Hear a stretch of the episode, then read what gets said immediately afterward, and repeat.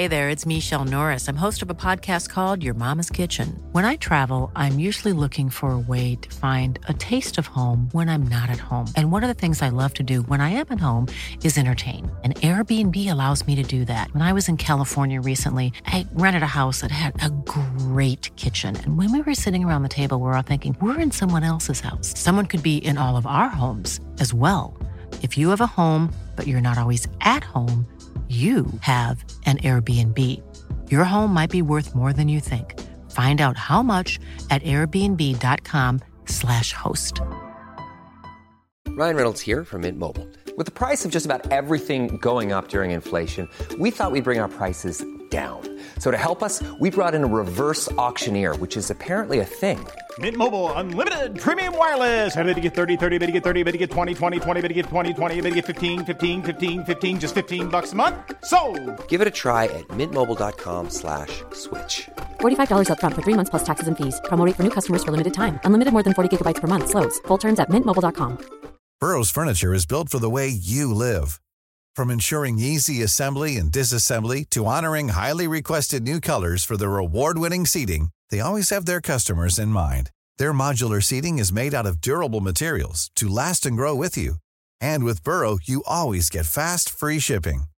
Get up to 60% off during Burrow's Memorial Day sale at burrow.com slash ACAST. That's burrow.com slash ACAST.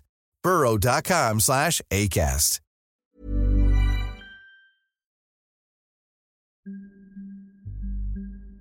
Du lyssnar på Rättegångspodden och på del två om den planerade skolattacken. Mitt namn är Nils Bergman.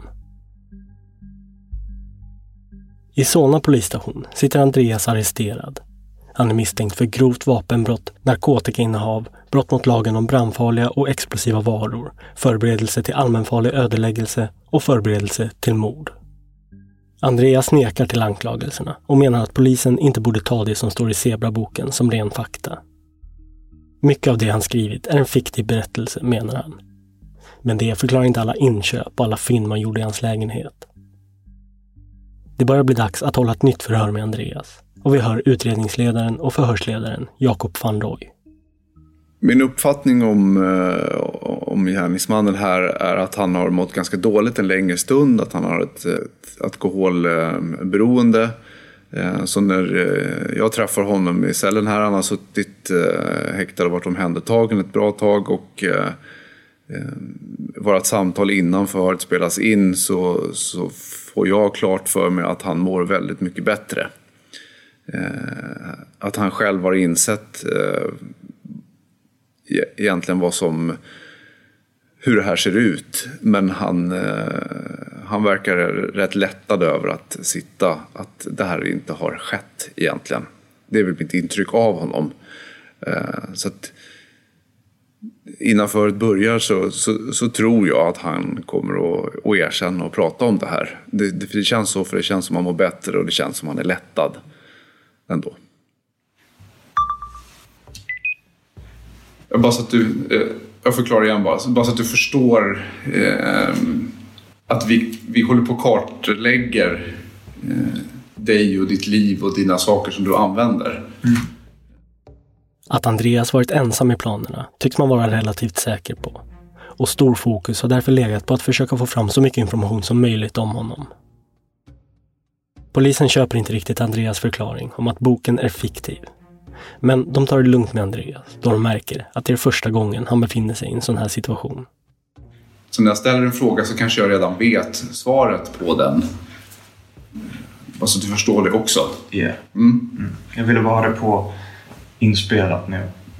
Förklaringen på varför.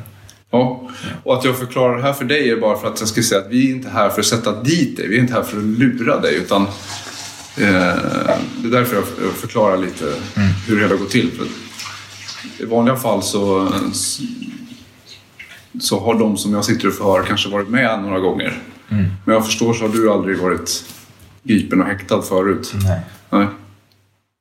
Jakob van Roy tycker att det är mycket i boken som faktiskt stämmer överens med vad Andreas gått igenom i verkliga livet och vill få Andreas att utröna vad som är fiktivt och vad som är på riktigt. Den är ju stolpigt skriven egentligen så det var väl kanske svårt att, att motbevisa det ändå men det finns ju eh, som slutet av den eh, innehåller ju mera eh, en detaljerad plan för vad som ska hända. Så att jag ville få honom att säga att det var en dagbok. Om det nu var det. Att det, det var hans inre tankar. Så det var, det, var, det var det jag ville få fram av förhöret egentligen. Vad är Zebraboken för någonting? Är det ett manifest? Är det hans dagbok? Är det inre tankar? Eller är det bara en fiktion? Andreas menar att han tagit inspiration till Zebraboken från två fiktiva filmer, som båda i sin tur inspirerats av Columbine-massakern. Zero Day från 2002 och Elephant från 2003. Andreas menar att han också velat skriva en berättelse baserad på en sån här typ av skolskjutning. Och det är därför han börjar skriva i Zebraboken. Men hans förklaringar blir minst sagt luddiga och han har svårt att förklara skrivprocessen på ett sätt som övertygar förhörsledarna. Det är en fiktionell bok. Mhm. Med inspiration från verkligt liv. Vad är det som du har inspirerats av då, då om du tar något exempel? Mina problem med alkohol och ångestdämpande tänkte jag det kan vara en bra del i boken. För att om det ska vara en person som blir, är på en nedåt spiral så kan droger och alkohol passa in i den boken. Ehm, sen, eh, för det mesta är det inte händelser som jag eh, har tagit från verkligheten. Det är mer så här personliga problem som alkohol och sånt där. Och sen namn har jag tagit för att jag är inte bra på att hitta på bra namn liksom så här på måfå och sådär. Um, ehm, men om man läser det så ser man att vissa namn är inte någonting som man kan länka till eh, verklighet och sen um, ja, sådana där grejer. Det förhörsledarna främst reagerar på är att det finns en konkret plan i boken, som nämns i början av boken och sedan skissas ut i slutet av boken. Är det samma plan i början av boken och slutet? Ja, jag tycker därför är lite mer att du, jag, vill, jag vill att du ska förklara. eh, hur Alltså- att- om du kommer ihåg planen, eller så kommer du inte ihåg den, då kan du inte göra det. Då får Nej. du titta på... Men ehm, alltså planen i boken har ju alltid varit i slutet ska det hända att det är en skolattack. Det har ju alltid varit idén. Men inte exakt vad allting, liksom den här delen ska göra så här, det här bränningen är där. Det har inte, står inte i början av boken. Jag är ganska säker på. Mm, Titta då på, på lite kort.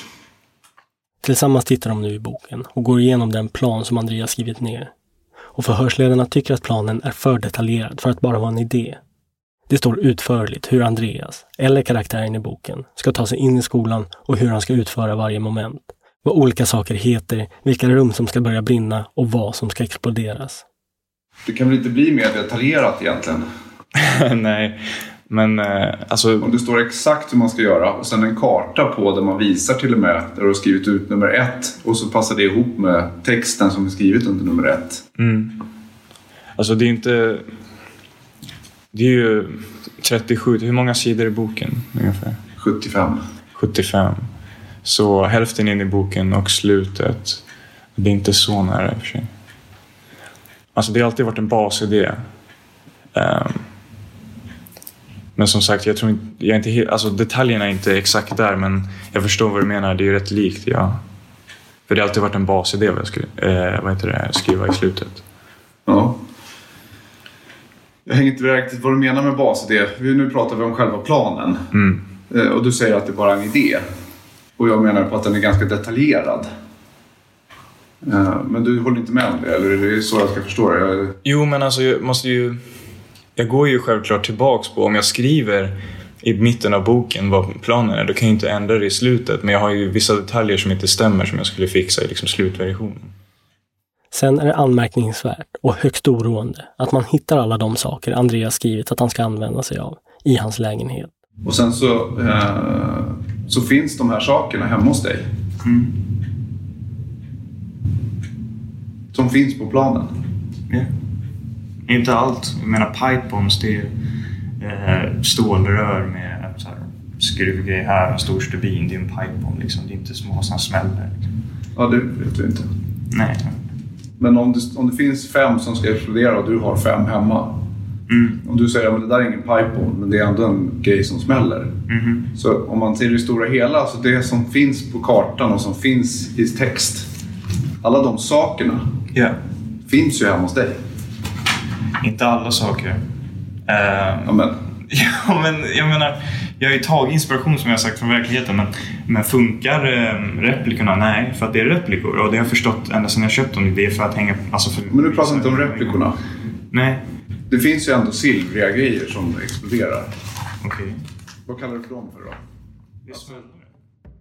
Och att Andreas först skriver ner det han behöver och sen inhandlar det stämmer inte överens med det Andreas menar att han i boken tar inspiration av verkligheten. Jag, jag vet att allt det här ser dåligt ut så jag har redan accepterat mig själv att jag säkert kommer att åka in i fängelse men jag tänker inte ljuga och säga att jag skulle göra någon terrorattack för det. Men Nej. om jag blir inskickad, okej för att jag förstår att det ser dåligt ut men Men om man vänder på det och säger så att det är inspirerat av verkligheten. okej. Ja. Om man säger det. Du, för det var ju du, du sa. Eller Nej, ja. Ja. Men nu är det ju precis tvärtom. För det här är ju skrivet först. Och sen har du inhandlat grejerna. Nej, jag har, Det haft, är ju inte tvärtom. jag har haft de där små silvriga tejpade förut innan. För ett år sedan ungefär. Om vi tar gasoltuberna. Eller propan. Inköpen tyder på det motsatta, att han planerar för det han behöver och sen inhandlar det. Andreas förklarar det med att han vid den här tiden var full i princip hela tiden. Att han därför inte riktigt visste vad han höll på med. Men alltså, de senaste fyra veckorna innan jag blev arresterad så har jag ju verkligen problem med alkohol och eh, mental eh, ostabilitet. Så jag har jättemånga impulsgrejer jag gjorde. Jag tog hem en hemlös man samma dag som jag köpte bensin och köpte en tändare för 400 spänn utan gas. Jag bara gjorde saker. Jag var inte helt där de senaste fyra veckorna. Alltid full. Eh, drack whisky nästan varje dag, om inte varje dag vissa veckor. Och sen mental ostabilitet som jag inte hade fått utredning. Som jag skulle 11 april skulle jag gå och få hjälp för det. Jag gjorde massa impulsgrejer.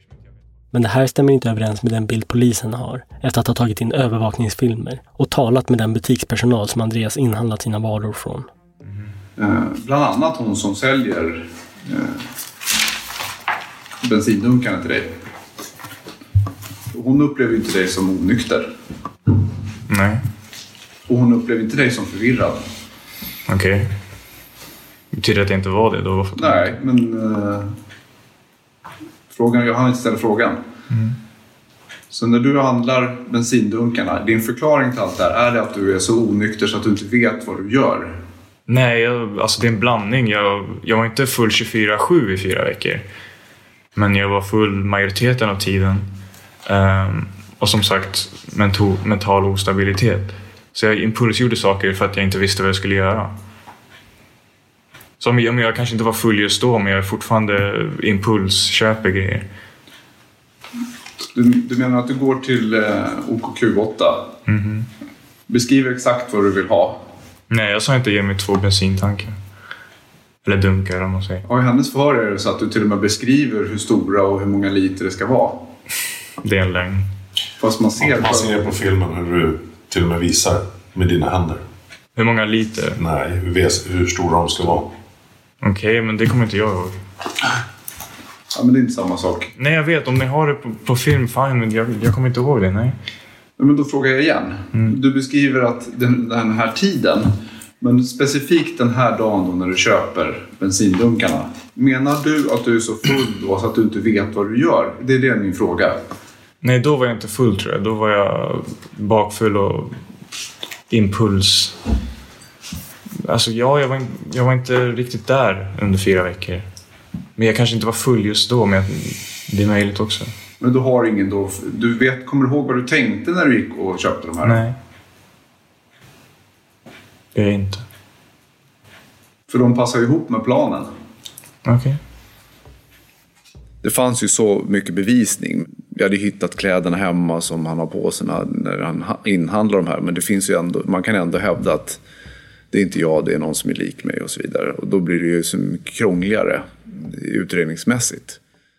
Utredarna är tacksamma att Andreas ändå inte förnekar att det är han som har gjort inköpen och syns på övervakningsfilmerna. Och det är bara Andreas som syns, vilket stärker bilden på att han har varit ensam. Men sen har de uppgifter ur boken att Andreas inledningsvis planerade det här tillsammans med flickvännen. Det finns även eh, i datorer som tyder på att de har pratat om eh, Columbine och att de ska göra det här tillsammans. Eh, men, men det är ett långt steg från att prata om det till att Hon har inte varit med på några av inköpen. Hon har inte varit med på den slutliga delen så att säga. Utan jag tycker att det märks att när de gör slut, det är då han sätter de här tankarna till. eh, Så att det blir verkligt. Och eftersom flickvännen valde att träda ur planen i tidigt skede har man inte belagt henne med några brottsmisstankar. Att man, man kan ju vara med på en planering och på ett brott men eh, avbryter man säger nej jag är inte med mer. I lagtextmässigt så är det tillbaka, frivilligt tillbakaträdande och då är man strafffri. Så att hon är avskriven från brottsmisstankarna. Men hon har ändå en stor indirekt roll i händelseutvecklingen. Jakob van Roy är övertygad om att deras uppbrott blev en utlösande faktor för Andreas. Jag säger i förhöret till honom, tror jag, att eh, är det när hon tar slut som du vill visa henne att du kan det här? För jag tycker man ser en skillnad på när det börjar ta slut med er. Att det som du skriver om börjar hända i verkligheten. Och i förhöret, så då, då tror jag det blir tyst och han börjar gråta lite grann. Är det så? Vad är det du tänker då? Vill du liksom, det ni har pratat om, vill att, är det det som du vill att ska börja hända? Men han samlar sig ganska snabbt och säger att det, så är det inte. Utan att han blir ledsen för att han tänker på deras relation och så. Men mitt intryck är att, att jag trycker på en, en, en känslig nerv. Att, han, att det kanske är därför han vill visa henne att han kanske faktiskt kan det här. Sen är det inte bara inköpen som Andreas gjort och den utförliga planen i boken som är problematisk för Andreas. I hans dator och mobil hittar man information som tyder på att Andreas har haft stark fascination för bland annat Columbine-massakern. Jag har tittat i din dator. Du har väldigt mycket bilder. Bilder Ja, nej, telefonen. Ja. Eh, Jag har ju tittat på båda. Men det är mycket bilder att titta på. Vissa av bilderna är eh, autentiska bilder från Columbine-attacken. Ja, Eh, stillbilder du har klippt in ditt ansikte. ja, och eh, På andras. Ja. Nu ser du nästan glad ut. Inte glad, men alltså jag vet hur det ser dåligt ut. Ja, alltså jag har ju massa grejer som... eh, Från olika grejer. Jag gillar göra sjuka skämt. Jag klippte in min kompis i Columbine, jag klippte in han bredvid Hitler. Alltså jag, det är sådana grejer vi skickar till varandra. Vi tycker det är roligt. Så att, när, när du gör de här bilderna, Ja. eh, är det på skämt? Ja. Okej, och vad har du tänkt göra med bilderna? För då, har du skickat dem eller? Jag skickar till min kompis och min kompis skickar bilder till mig. Sådana sjuka grejer när vi klipper in varandra i saker och sånt där. Ehm, vi har sjuk humor, men jag menar... Vad ska man säga? Ja, Jag vet inte, jag vill höra din, du, men din förklaring är att eh, du har sjuk humor. Ja. Mina kompisar också. De flesta i min ålder har sjuk humor. Ja. Så jag kan inte förklara bort det. Ja, jag har sån där humor. Så din fascination för Columbine. Ja. Jag har ingen fascination, men eh, det är mycket inside jokes jag har bland mina vänner med Hitler och school shootings. Det vi skickar till sånt för, för att det är stötande. Vi tycker det är roligt att skicka till varandra. Mm. Och har hon samma humor? Ja. Därför passar det så bra ihop för att vi skämtar en massa om sånt där sjukt. Mm. Vi har ju tagit in och pratat med henne också. Mm. Självklart. Mm. Det är för att åklagaren sa att de hade anhållit någon annan så då behövde jag inte ens tänka på vem det var såklart. Det, för att det är den enda polisen hade frågat frågor om, massa frågor. Så att... Ja, vi har ju pratat med och också. Aha. Okej. Ja, vi vi, det är en stor utredning. Mm. Ni har inte, an, ni har inte anhållit? Jag kommer inte kommentera det, men jag säger att vi har eh, pratat med dem. Okej. I det här sammanhanget kanske sjukhumor inte är det, bästa. Okej. För vi måste utreda, är det humor eller är det, är det på riktigt? Okej. Så har du pratat med dem om att göra någon attack någon gång till exempel? Inte göra en attack, nej. Men vi har skickat, skickat bilder till henne. Ja, kan du beskriva de bilderna mer då? Jag kommer ihåg Jag klippte in han i Columbine, klippte han bredvid Hitler och sådana där grejer. Ja, något mer då? Du sitter och skrattar nu också. Du Jag tycker skrattar det, inte. Du tycker att det är lite roligt eller? Ja, men alltså för att det är skämtbilder, ja. Det är inget seriöst. Jag menar, hur kan man ta det seriöst att man klipper in ens kompis bredvid Hitler? Det är bara något så här bisarrt roligt liksom. Det finns eh, en bild från eh, Fredrika Bremer ritad där det är inklippt en, en person Okej. som blir skjuten i huvudet. Mhm. Kommer du ihåg vem det är? Du vet inte vem det är? Alltså, så det är en bild på Fredrika Bremer där jag klippt in? Eller? Från en karta av Fredrika Bremer. Det är ritat. Okej. eh, Där man kan komma fram till att det är Fredrika Bremer. Och så är det en person som eh, är verklig som blir skjuten i huvudet. Alltså ritat som blir skjuten i huvudet. Nope, kommer inte ihåg. Du kommer inte ihåg? Nej. Är det du som har ritat bilden då? Det kan det vara, men jag kommer inte ihåg. Nej. Är det någon speciell på Fredrika Bremer som, av dina lärare, eller Fredrik Bremer, där du gick, som du inte gillade? Nej, gillade alla. Trevliga lärare. Bra liksom. Klasskamrat och allt det där. Ja. Men det kan inte vara någon av de lärarna som du har gjort något skämt med då? Nej. Det kan jag vara ganska säker på. Jag gillade alla lärare. Var det någon annan där som inte var lärare som du inte gillade? Nej. Alltså jag pratade bara mest folk i min klass. Så att jag... Nej. Finns det någon speciell person du inte gillar då? Överhuvudtaget bara. Ja, på skolan. Nej.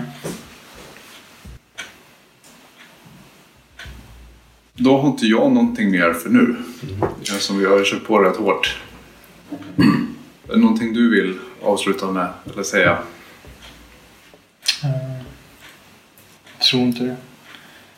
Jag har ingen fara för allmänheten. Jag vet inte.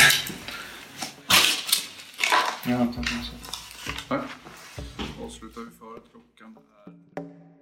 Ja, jag heter Kristin Arvidsson och jag är biträdande rektor på Fredrika Bremer-gymnasiet. Under tiden man förhör Andreas så utför andra poliser utförliga tekniska undersökningar i Fredrika Bremer gymnasiet som var föremålet för Andreas planerade attack. Kristin Arvidsson var då biträdande rektor på skolan och jag ringer upp henne för att höra hur hennes tankar gick när hon och övriga i ledningen i april 2019 kontaktades av polisen. Jag blev kontaktad på min första dag på jobbet i den här tjänsten så blev jag kontaktad av två poliser som kom till skolan. De kom från Solna polisen och de var där i ett ärende. De ville ju hämta, hämta ut ritningar på byggnaden och då förklarade de att de hade en person häktad som hade planerat att utföra någon typ av attentat, någon typ av våldsam handling mot vår skola. Och eh, vi fick inte säga någonting. Det var ju förundersökningssekretess och vi blev ja, verkligen tillsagda att hålla det här tätt. Så det var ingen annan än vi i ledningsgruppen som kände till någonting. Utan ja, vi försökte verkligen göra det och det var ju, det var ju svårt såklart för att det fanns en oro också. Att tänk, om någon, tänk om någonting läcker ut, tänk om, tänk om det här ändå kommer ut i, bland elever och Eh, sådana saker och så har inte vi sagt någonting. Så det var ju, det var ju ett svårt dilemma. Men vi kunde ju inte göra annat än att lyssna på vad polisen förväntade sig av oss då. Kristin berättar att ingen i ledningen får reda på vem den här personen är eller vilket program han ska ha gått på. Och Kristin, som annars anser sig ha god kontakt med många av eleverna och framförallt försökt uppmärksamma och hjälpa dem som kanske inte har det så lätt eller mått dåligt, förbryllas över uppgifterna att någon har planerat något sånt här mot deras skola. Och polisen sa till oss, det, enda, det var det enda han sa, han sa eh, ni kan inte gissa vem det är. Det är ingen, ni- det är ingen, ni, det är ingen ni har koll på riktigt, trodde polisen. Och då tänkte jag ju mycket så här och min kollega också så funderade vi mycket, har vi missat någonting? Är det någon som vi inte har bemött på ett, på ett schysst sätt? Kan det finnas tankar om hämnd? Är det riktat mot någon personligen? Är, är det, vad, finns det någon, något hat gentemot vår skola eller så? Det fanns ju en oro över det. Det blev ju en väldigt allvarlig liksom, fråga i ledningsgruppen. Vi samlades ju direkt och, och pratade om de här sakerna och Eh, det är klart att vi kände jättestark oro över att någon överhuvudtaget hade planerat att göra något sånt mot vår skola. Och det, vi, har ju, vi jobbar ju i en stor skola också, det är över 2000 elever. Så att eh, vi förstod ju liksom att hade någonting hänt så hade det ju kunnat drabba många. Både en stor personalgrupp och också eleverna som hela tiden cirkulerar runt i huset och sådär. Och Fredrika Bremer-skolan är uppbyggd, som så många andra skolor är idag, med öppna utrymmen och stora glaspartier. Man kan lätt se in i de olika rummen och det går upp för skolans ledning att lokalerna inte funkar speciellt bra att gömma sig i. Oron för vad som skulle kunna ha hänt blir påtaglig. Det var jätteoroande och obehagligt. Eh, så vi försökte ligga lågt, samarbeta med polisen, hade tät kontakt med dem och blev liksom informerade successivt när de, när de jobbade vidare. De kom ju till skolan och gjorde en, en teknisk undersökning av lokalerna då utifrån planerna som hade, ja det som han hade planerat.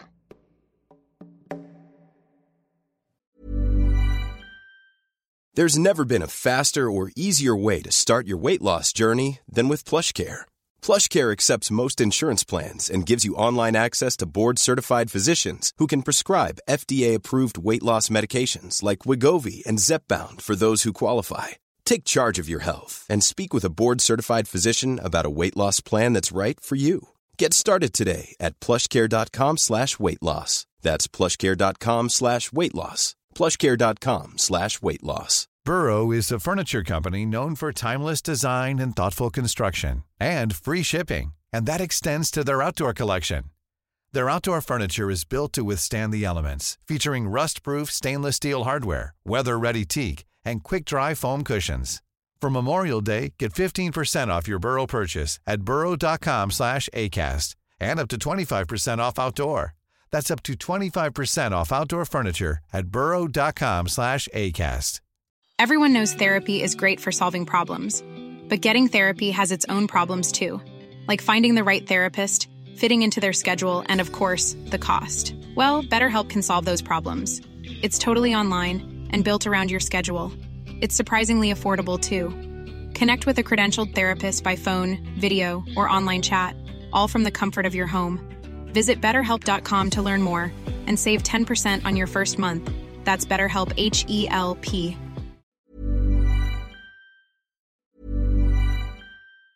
Planning for your next trip?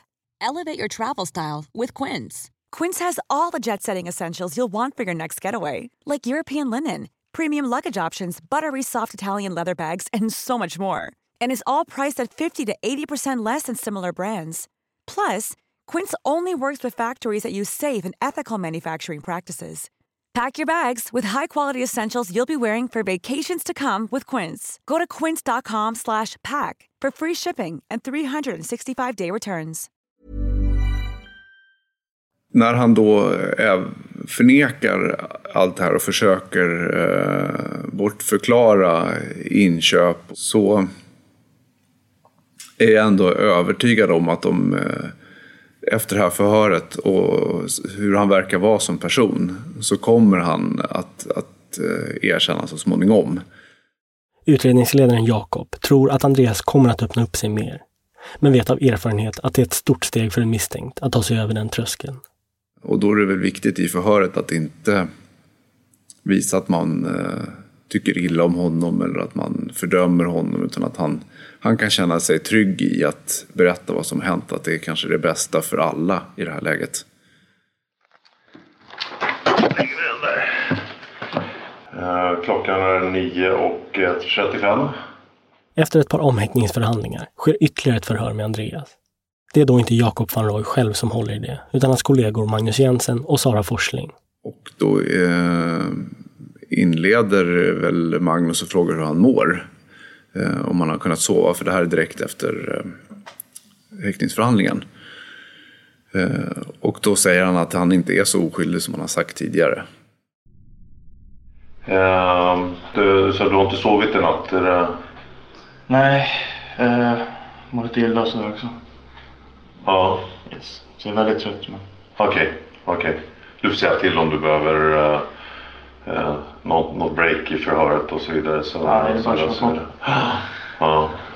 Är det, Är det någon, någon speciell orsak eller är det gårdagen som gör att du inte kan sova eller? Nej, jag vet inte om det har någonting med något att göra men... eh, ja. Jag säger inte att jag är oskyldig längre. Du ser, en, en gång till. Alltså det jag är misstänkt för. Jag Ja. säger inte att jag är oskyldig längre. Du säger inte att du är oskyldig längre? Nej. Ah, Okej. Vad är det som gör... eh, Okej, men då, då får du berätta varför du säger att du inte är oskyldig längre. Uh, alltså jag skulle säga majoriteten av det jag har sagt för är sanning. Men, eh, inte när det gäller direkt det jag är misstänkt för. Det jag skulle göra då. Men jag vill inte bli missförstådd med att vi, eh, Vita Zebra eller Zebraboken, den är fortfarande majoritetsfiktion. Eh, och det var det från eh, början av boken fram till ungefär så att jag skulle säga den sista månaden och de sista två veckorna. De sista två veckorna är nästan mina riktiga tankar då. Mhm. Eh, innan det var det blandat. Och sen innan den månaden så är det nästan helt fiktion. Fast det är eh, vissa inspirationer från verkligheten. Men då, det var menat som eh, fiktion då. Yes. Okej. Eh, så du menar när du och gjorde slut så hände det någonting? Ja. Ja. Och då övergick Zebraboken till att bli en dagbok. Är det så jag ska förstå dig?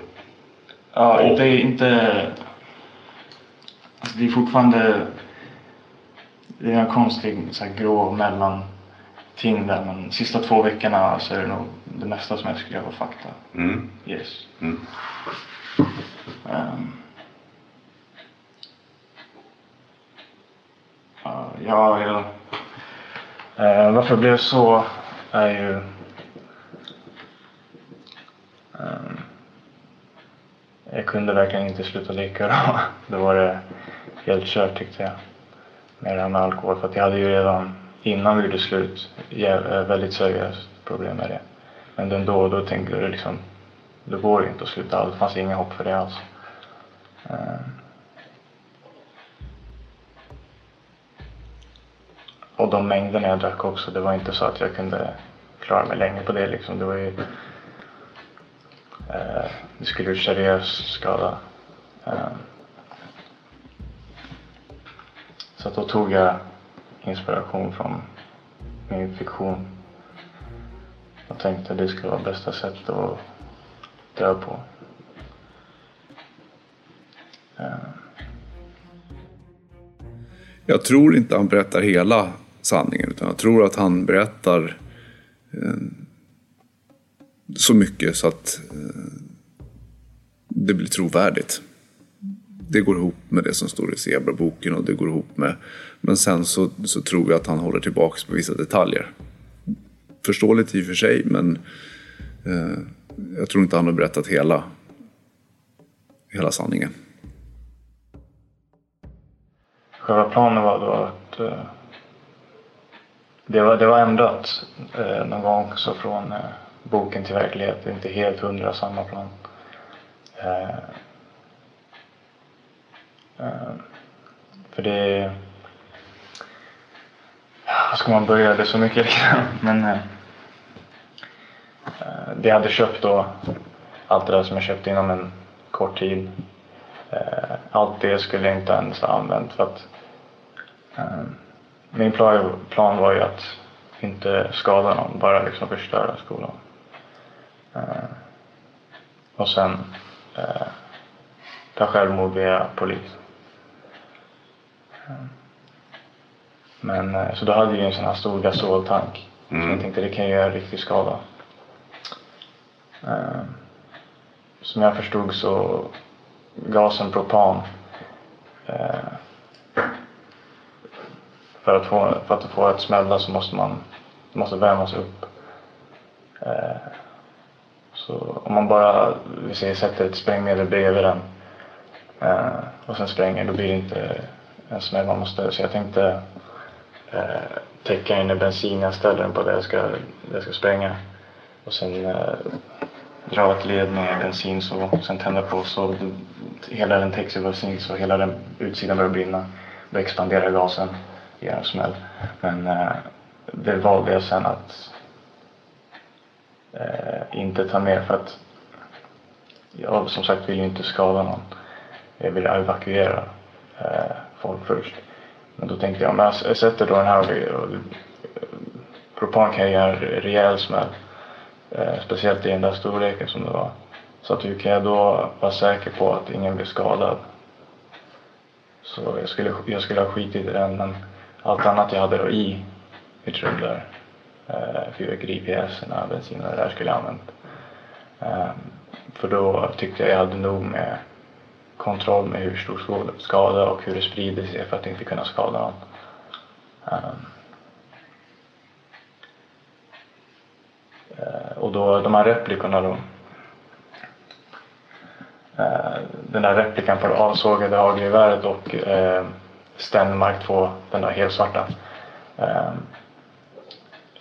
jag hade testat alla de där för att se vilken som var bäst för att um, inte konvertera för att skjuta skarpt utan skjuta då blankskott.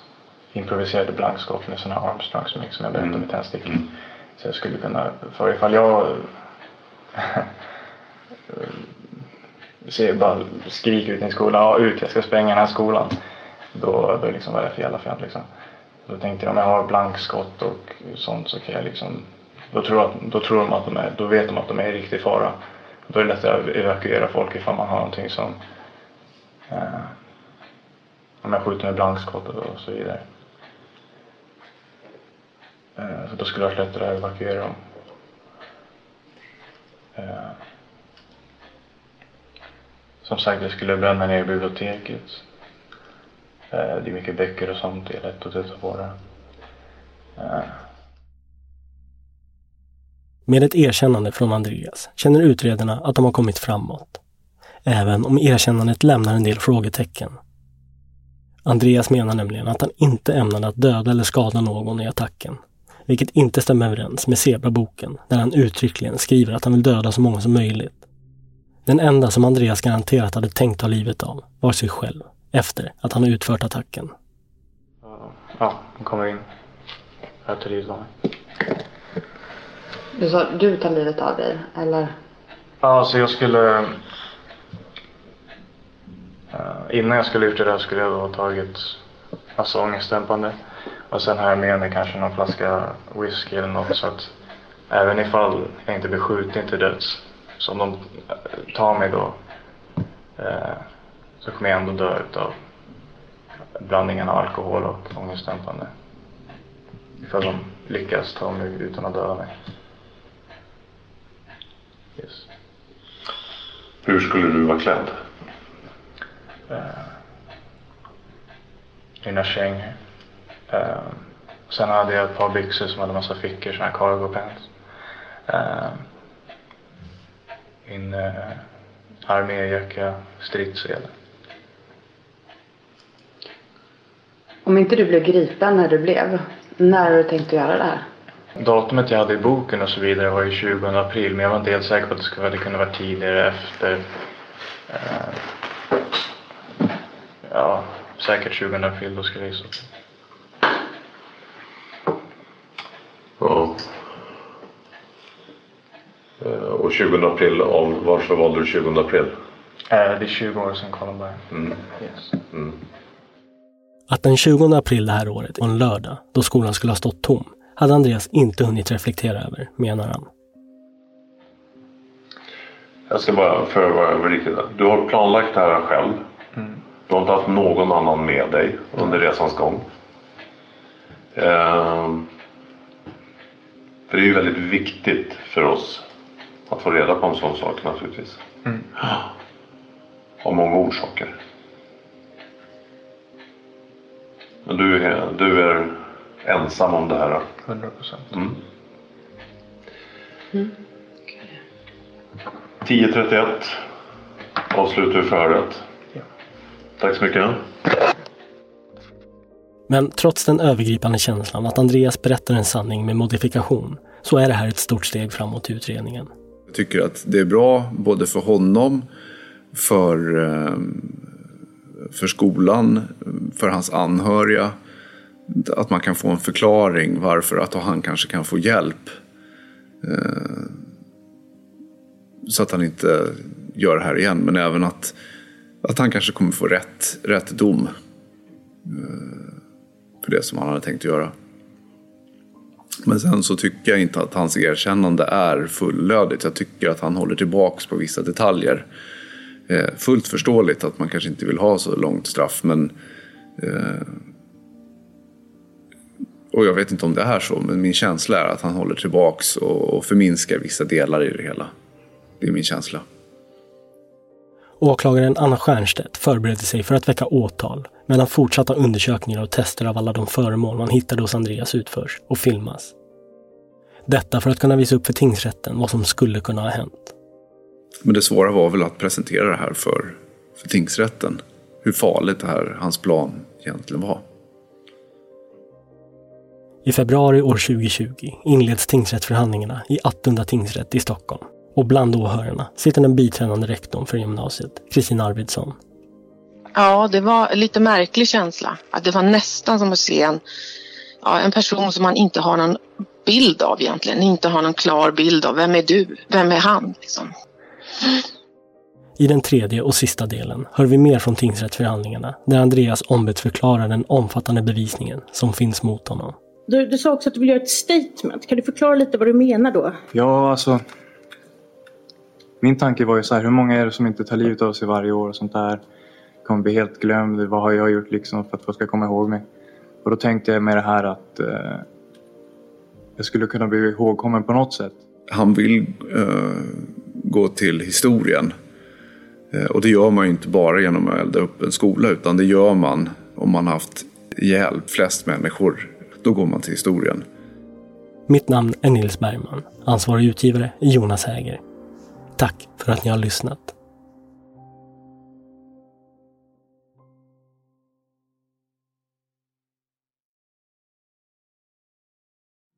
Rättegångspodden är en Tall Tale produktion.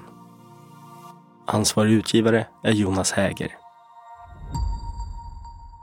Och Rättegångspodden görs i samarbete med Lexbase.